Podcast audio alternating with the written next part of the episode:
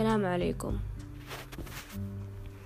ولا ورقة وقلم ولا أفكار ولا ولا. أنا حأتكلم بكل عفوية.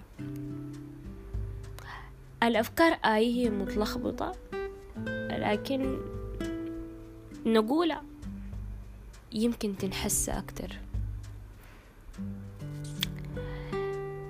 عارفين الوسطية؟ يعني أقدر أقول قانون الوسطية. القانون ده تقدر تمشي بيه حياتك كلها. لو حياتك العاطفية لو لو لو حياتك المادية لو حياتك الاجتماعية يمشي مع كل حاجة. أنت تقدر هسه تشيل ورقة وقلم وتكتب في مفكرة صغيرة قانون الوسطية وتبدأ ماشي عليه. ممكن أقارنهم في حاجتين يعني أقارنها قصدي في حاجتين.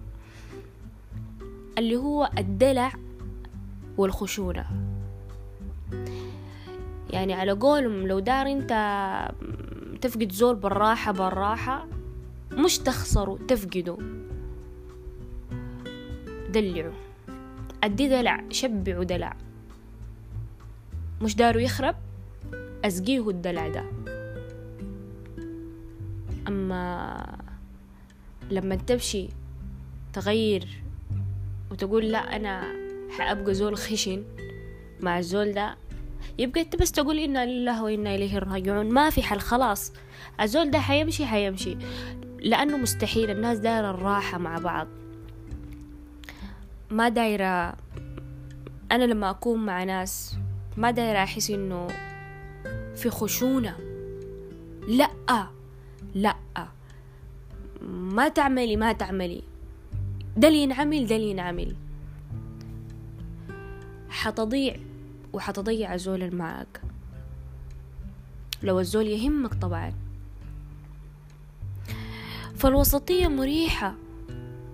أدي دلع حبة. أدي خشونة شوية. شيل حبة أدي حبة. كده الحياة بتمشي حلوة.